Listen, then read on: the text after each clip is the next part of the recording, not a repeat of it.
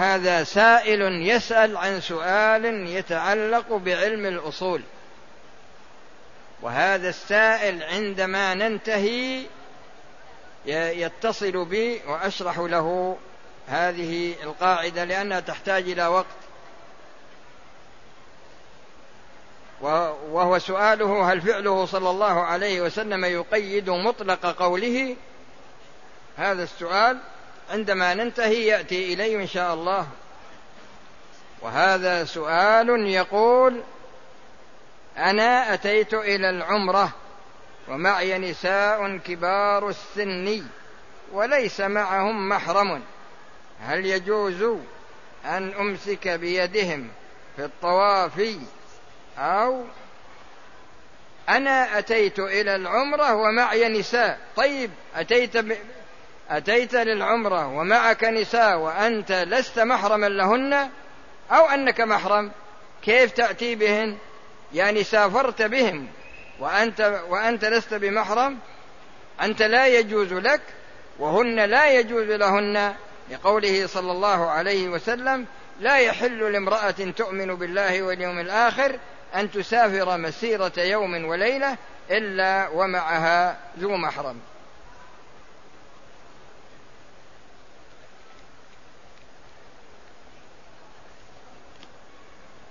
وهذا يسأل يقول فضيلة الشيخ من السنة الصلاة بالنعال وفي هذه الأوقات المساجد مفروشة بالسجاد والفرش التي تكلف الكثير فماذا يرى فضيلتكم؟ يا أخي أنت موكل على هذه المسألة؟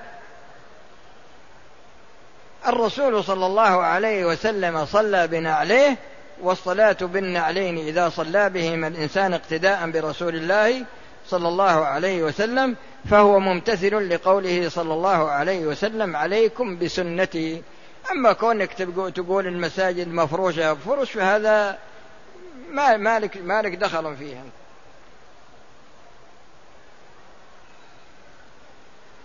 وهذا يقول اشتريت بعض الحاجات من شركة فأعطوني رقوا معينا ثم أرسلوا إلي بعد ذلك ليخبروني أن نسبة مشترياتي أهلتني لدخول سحب على عشرين ألف ريال بشرط أن أشتري منتجات بمبلغ مئة ريال أخرى. فما حكم الشرع في ذلك يا أخي؟ هذا من الميسر ولا يجوز لك. أقمت عمرة لنفسي فحلقت ثم أردت أن أعمل عمرة لجدتي العاجزة. جزاك الله خيرا. جزاك الله خيرا.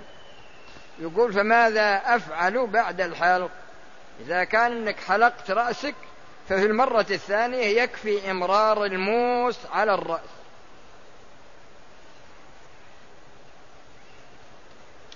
وهذا سائل يقول أنا مسافر إلى مصر عن طريق البحر. صاحبتك السلامة يا أخي تستغرق الرحلة ثلاثة أيام فهل يكون بداية الصيام وأنا في الباخرة بتوقيت مصر أم السعودية حيث أن فارق التوقيت ساعة وأنا أريد الصيام؟ يا أخي الفطر لك في السفر أفضل من الصيام. الفطر لك في السفر أفضل من الصيام فأفطر أخذا برخ بالرخصة والأخذ بالرخصة في السفر أفضل من الأخذ بالعزيمة.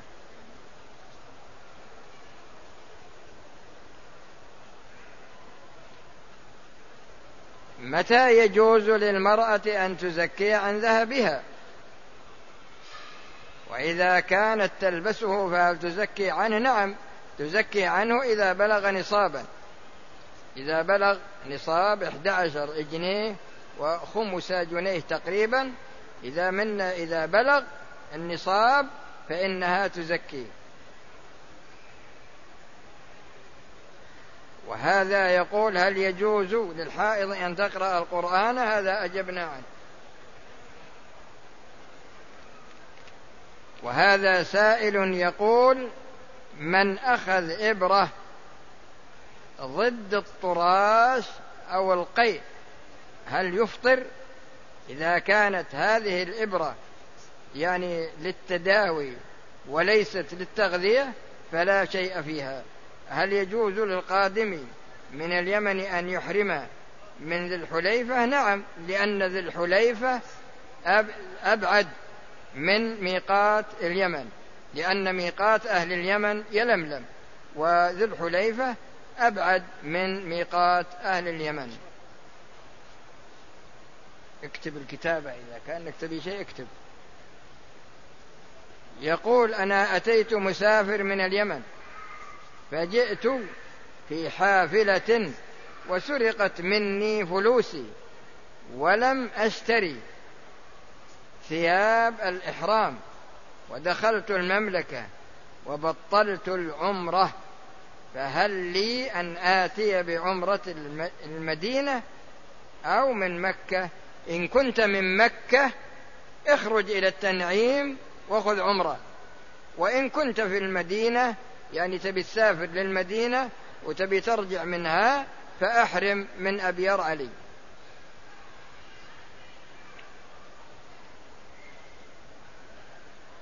إذا وهب الوالد أبناءه الذكور مبلغا من المال بالتساوي فهل للبنات نصيب من الهبة؟ وكم مقدارها؟ هل تعطى نفس نصيب الذكر؟ أم تعطى نصف نصيب الذكر؟ أفيدونا علما بأن المذكور, المذكور هم الذين يقومون على الوالد في الوقت الراهن. جزاكم الله خيرا. إذا كان الوالد أعطى أولاده هذه النقود أجرة من أجل قيامهم به.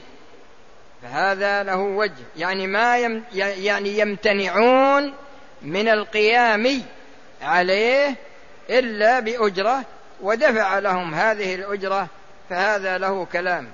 أما إذا أعطاهم وكانوا هم متبرعين بخدمته إذا أعطاهم إذا أعطى أولاده فالواجب عليه أن يسوي أن أن يسوي بين الذكور والإناث ومعنى ذلك تحقيقا وذلك تحقيقا لقوله صلى الله عليه وسلم اتقوا الله واعدلوا بين أولادكم.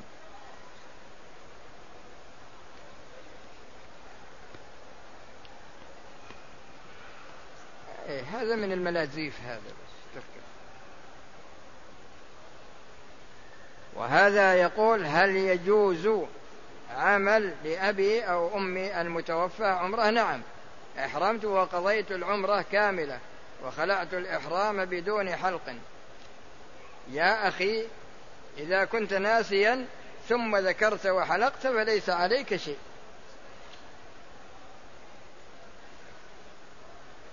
هذه كتابة ضعيفة هذه. هل يجوز؟ الله لا يضيق علينا. هذا ما شاء الله. يعني هذا سؤال هل يجوز مباشرة الزوجة في المسجد؟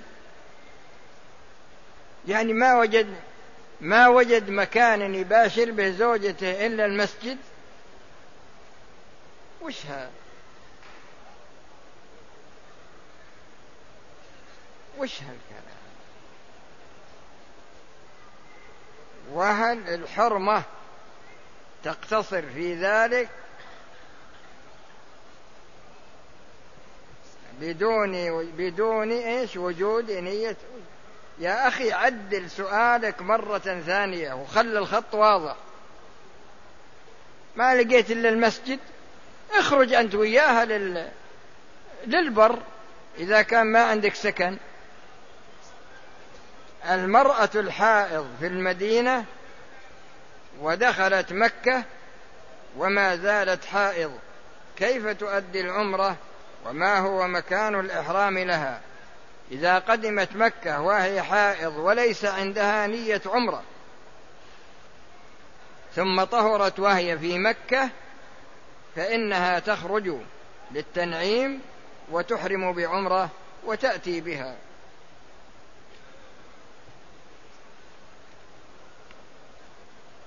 والدتي امرأة تحتاج إلى عربية لتدخل بها للحرم وللصلاة والتي معها خادمة تساعدها. والآن خادمتها في فترة حيض فهل يجوز يا فضيلة الشيخ أن تدخلها إلى الحرم ثم تخرج؟ لا أدخلها أنت. أدخلها أنت لأن المرأة لا يجوز لها أن تدخل الحرم وهي حائض.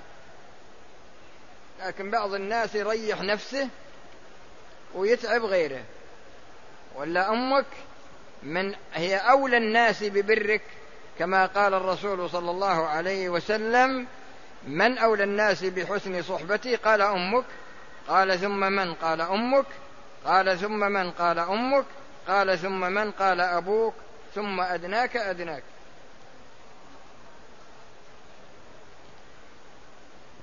هل يجوز أن أؤدي فرضا عن والدي أو أمي؟ فإذا صليت الفرض عن أمي هل يسقط عنها؟ وإذا أديت العمرة عنها فهل تسقط عنها؟ إذا كان تريد الفرض يعني فرض الحج أو فرض العمرة يعني أن أمك توفيت وهي لم تعتمر. أو توفيت وهي لم تحج وتريد أن تؤدي العمرة عنها أو تريد أن تؤدي الحج عنها فجزاك الله خيرا. سافرت في الطائرة للقدوم إلى مكة بنية العمرة فلما قاربنا من الوصول أخبرني أحد الإخوان أننا مررنا على الميقات فلبست الإحرام من حينها وأحرمت بعمرة. إذا كنت أحرمت من الميقات فهذا هو مكان الإحرام. أما بقية أعمال العمرة فلا بد من التأكد من أنك أتيت بها على وجهها.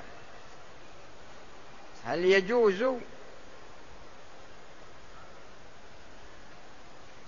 هل يجوز الاستعانة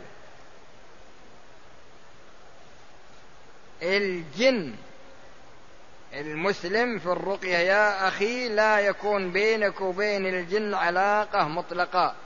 بإمكانك أن ترقي نفسك أنت أو تذهب إلى من تثق به من أهل العلم آه، وتجعله يعمل لك رقية. ما تروح للجن.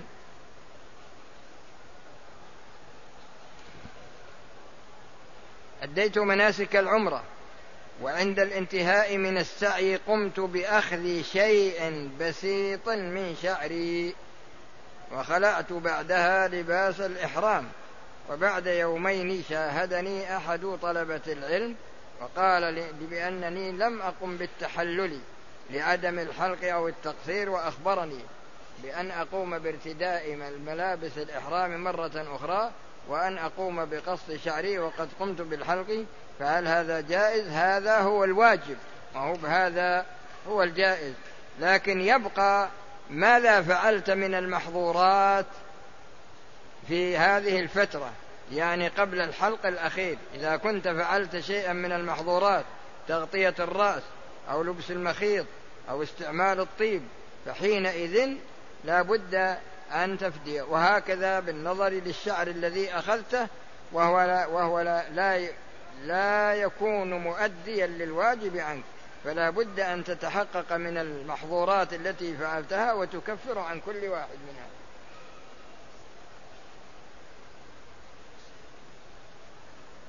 وهذا يقول أنا أسكن دولة غير إسلامي غير إسلامية.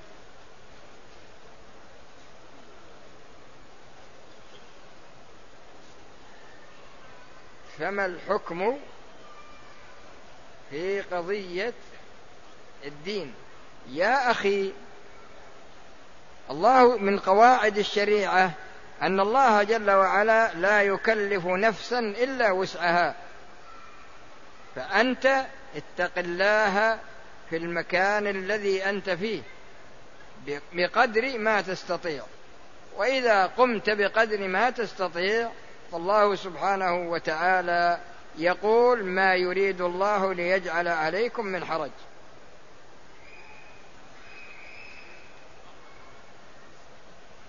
لدي أرض منحة منذ كنت طالبا هل فيها زكاة؟ وإذا كان في زكاة فماذا فماذا أصنع؟ للسنوات الماضية. هذه الأرض إذا كنت تريد بيعها ففيها الزكاة. وإذا كنت لا تريد بيعها وإنما تريد إقامة سكن عليها فليس عليها زكاة. وإذا وإذا كنت تريد بيعها فتبدأ فيبدأ الحول من نية من نية البيع. وهذا يقول ما حكم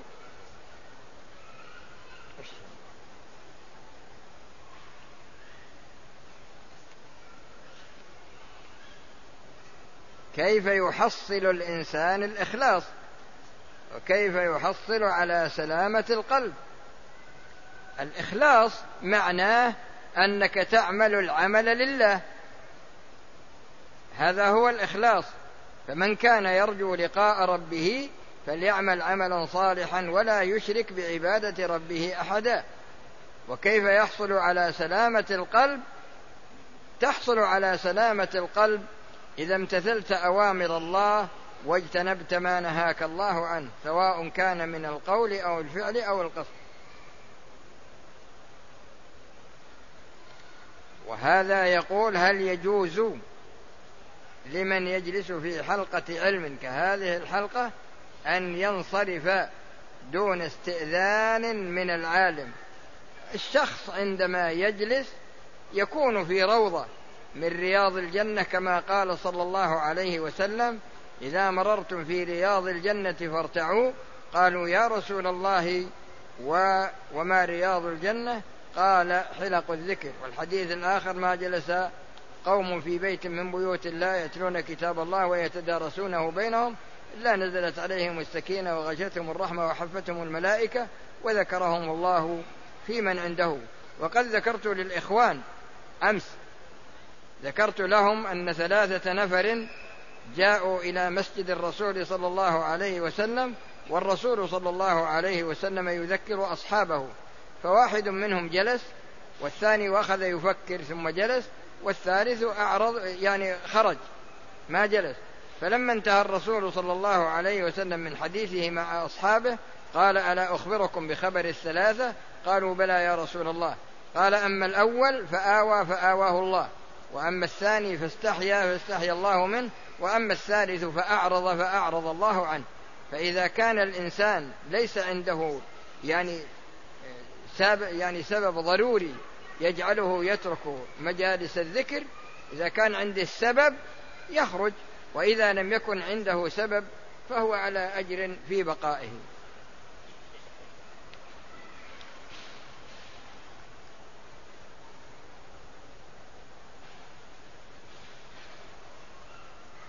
هذا يقول إن تقبيل الزوجة أو لمسها بشهوة وخرج منه مذي.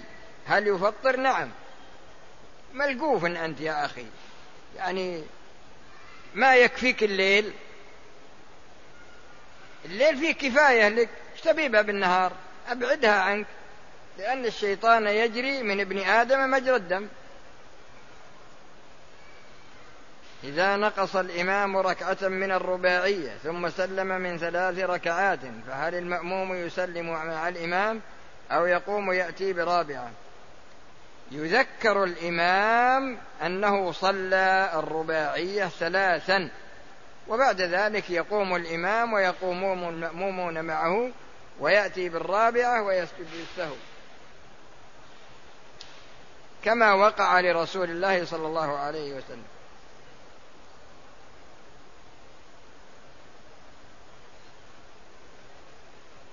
وهذا يسأل يقول هل يجوز للإنسان انه يسأل الناس من أجل أن يجمع مالا يؤدي به فريضة الحج؟ لا. لا. لأن الله تعالى قال ولله على الناس حج البيت من استطاع إليه سبيلا. ومن القواعد المقررة في الشريعة أن ما لا يتم الواجب إلا به فهو واجب. وما لا يتم الوجوب إلا به فليس بواجب فليس عليه أن يسأل الناس.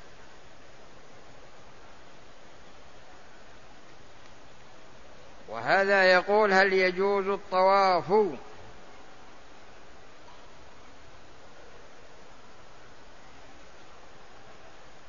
بأي حذاء؟ لوجود بعض الجروح بالقدم. نعم إذا كان كذا فتلبس نعلين للوقاية.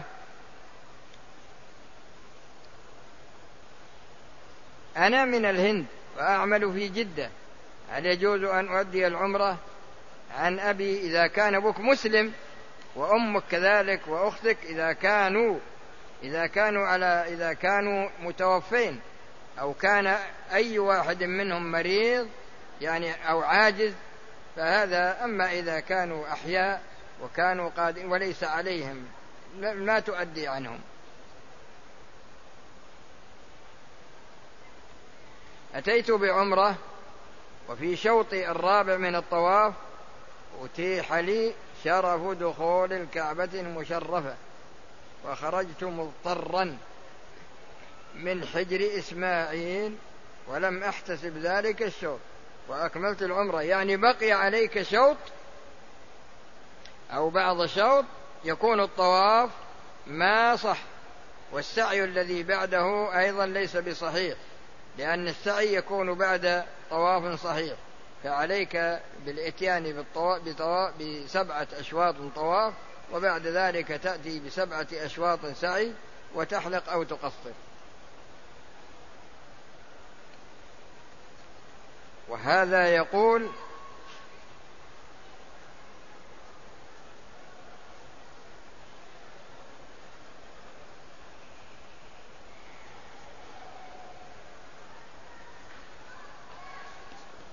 إيه، كل هذا من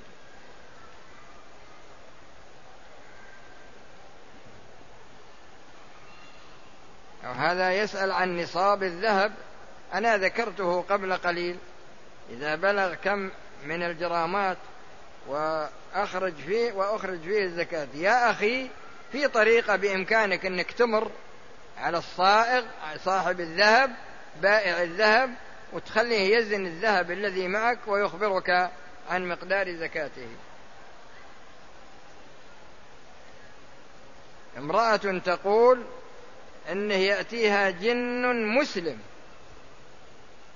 وتقول إنهم في رمضان يذهبون إلى الحج. هل هذه كاهنة؟ أنا ذكرت لكم قبل قليل مسألة يعني علاقة الجن بالإنس. ذكرت لكم هذا.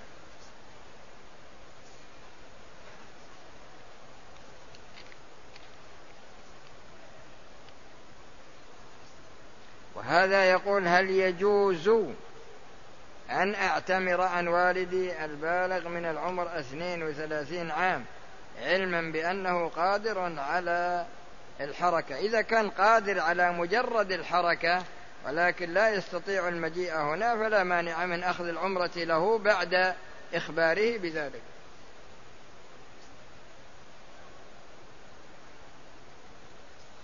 وهذا يقول عند ما يتعذر على والدته الدخول بعربيتها للحرم فهل صلاتها خارج مثل صلاته أنا ذكرت لكم أكثر من مرة إن جميع أرض الحرم يعني اللي داخل حدود الحرم كل كلها مضاعف فيها مضاعفة فيها الصلاة بمئة ألف صلاة. والمرأة صلاتها في حجرتها أفضل من صلاتها في بيتها وصلاتها في بيتها أفضل من صلاتها في دارها وصلاتها في دارها أفضل من صلاتها في المسجد.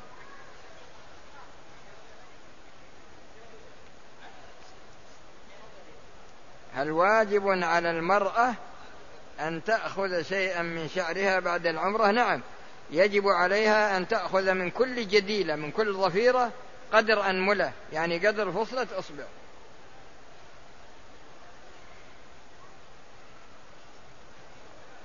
وهذا يقول والدي ووالدتي سوف يحضرون من مصر إلى الزيارة وسوف يحرمون من مصر إن شاء الله. بالنسبة لي سوف أذهب استقبالهم في مطار جدة إن شاء الله. و...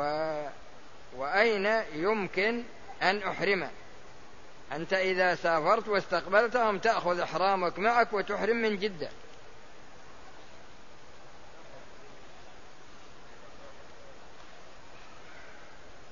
وهذا يقول نحبك في الله أحبك الله الذي أحببتني من أجله وكنت أحضر دروسك ولكن موقع الدرس يعرضنا لفتنة النساء.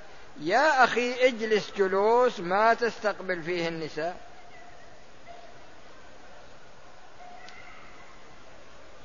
وإذا كان في إذا كانت الجهة تراجعون الجهة الجهة اللي مسؤولة عن الكرسي أنا من مسؤول عنه.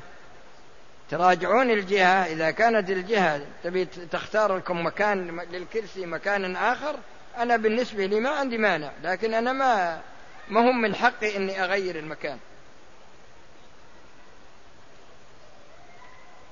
أسأل عن زكاة الفطر في قيمتها عن كل فرد. الواجب في زكاة الفطر صاع من بر ولا صاع من تمر ولا صاع من شعير. هذا هو الواجب. وتعطى الفقير. وتجب بغروب الشمس ليلة العيد. ما شاء الله. إيه هذا أجبنا عنه.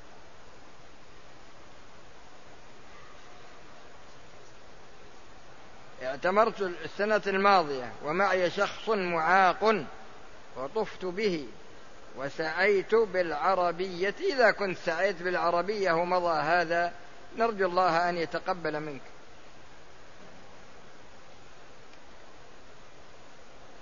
هل يجوز عمل عمرة أخرى من مسجد التنعيم؟ نعم. وهل الحلق بالمكينة حلق أم تقصير؟ إذا ما بقي من شعر رأسك شيء يكون حلق. وإن بقي شيء فهو تقصير.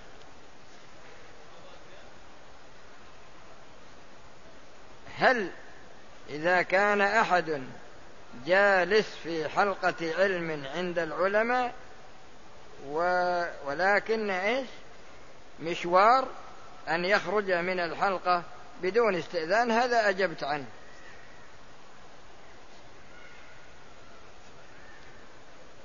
من أحرم من غير الميقات ولا يستطيع ذبح نسك ولا الإطعام فهل يصوم؟ نعم يصوم عشرة أيام.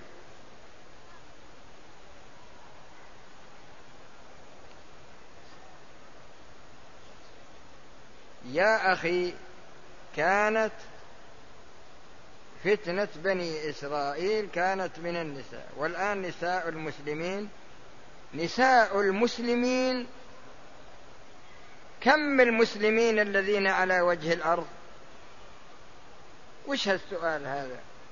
لكن على كل حال أنت ما وضعت هذا السؤال إلا من الغيرة وجزاك الله خيرا.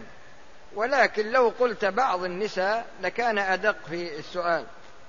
و والحقيقة إن كشف المرأة وجهها أمر لا يجوز. إلا إذا كانت محرمة بعمرة أو حج وهي منفردة أو عند النساء أو عند محارمها فإنه يجب عليها كشف وجهها. أما إذا كانت ترى الرجال الأجانب أو يرونها فإنها تسلم تسدل الخمار على وجهها. لكن لكن المسؤول عن النساء هو أولياء أمورهن لأن الرسول صلى الله عليه وسلم يقول كلكم راع وكلكم مسؤول عن رعيته. فالرجل راع في بيته ومسؤول عن رعيته والمرأة راعية في بيت زوجها ومسؤولة عن رعيتها والعبد راع في مال سيده ومسؤول عن رعيته.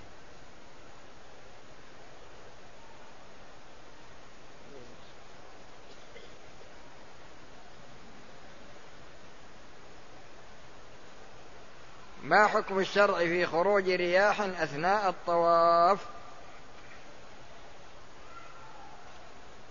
ترك شعر الإبط والعانة أثناء الطواف. كيف يعني؟ أما السؤال الأول فإذا خرج منك ريح في أثناء الطواف وجب عليك أن تذهب وأن تتطهر ولا تطوف إلا على طهارة. أما قولك ترك شعر الإبط والعانة أثناء الطواف فهذا السؤال ليس بواضح.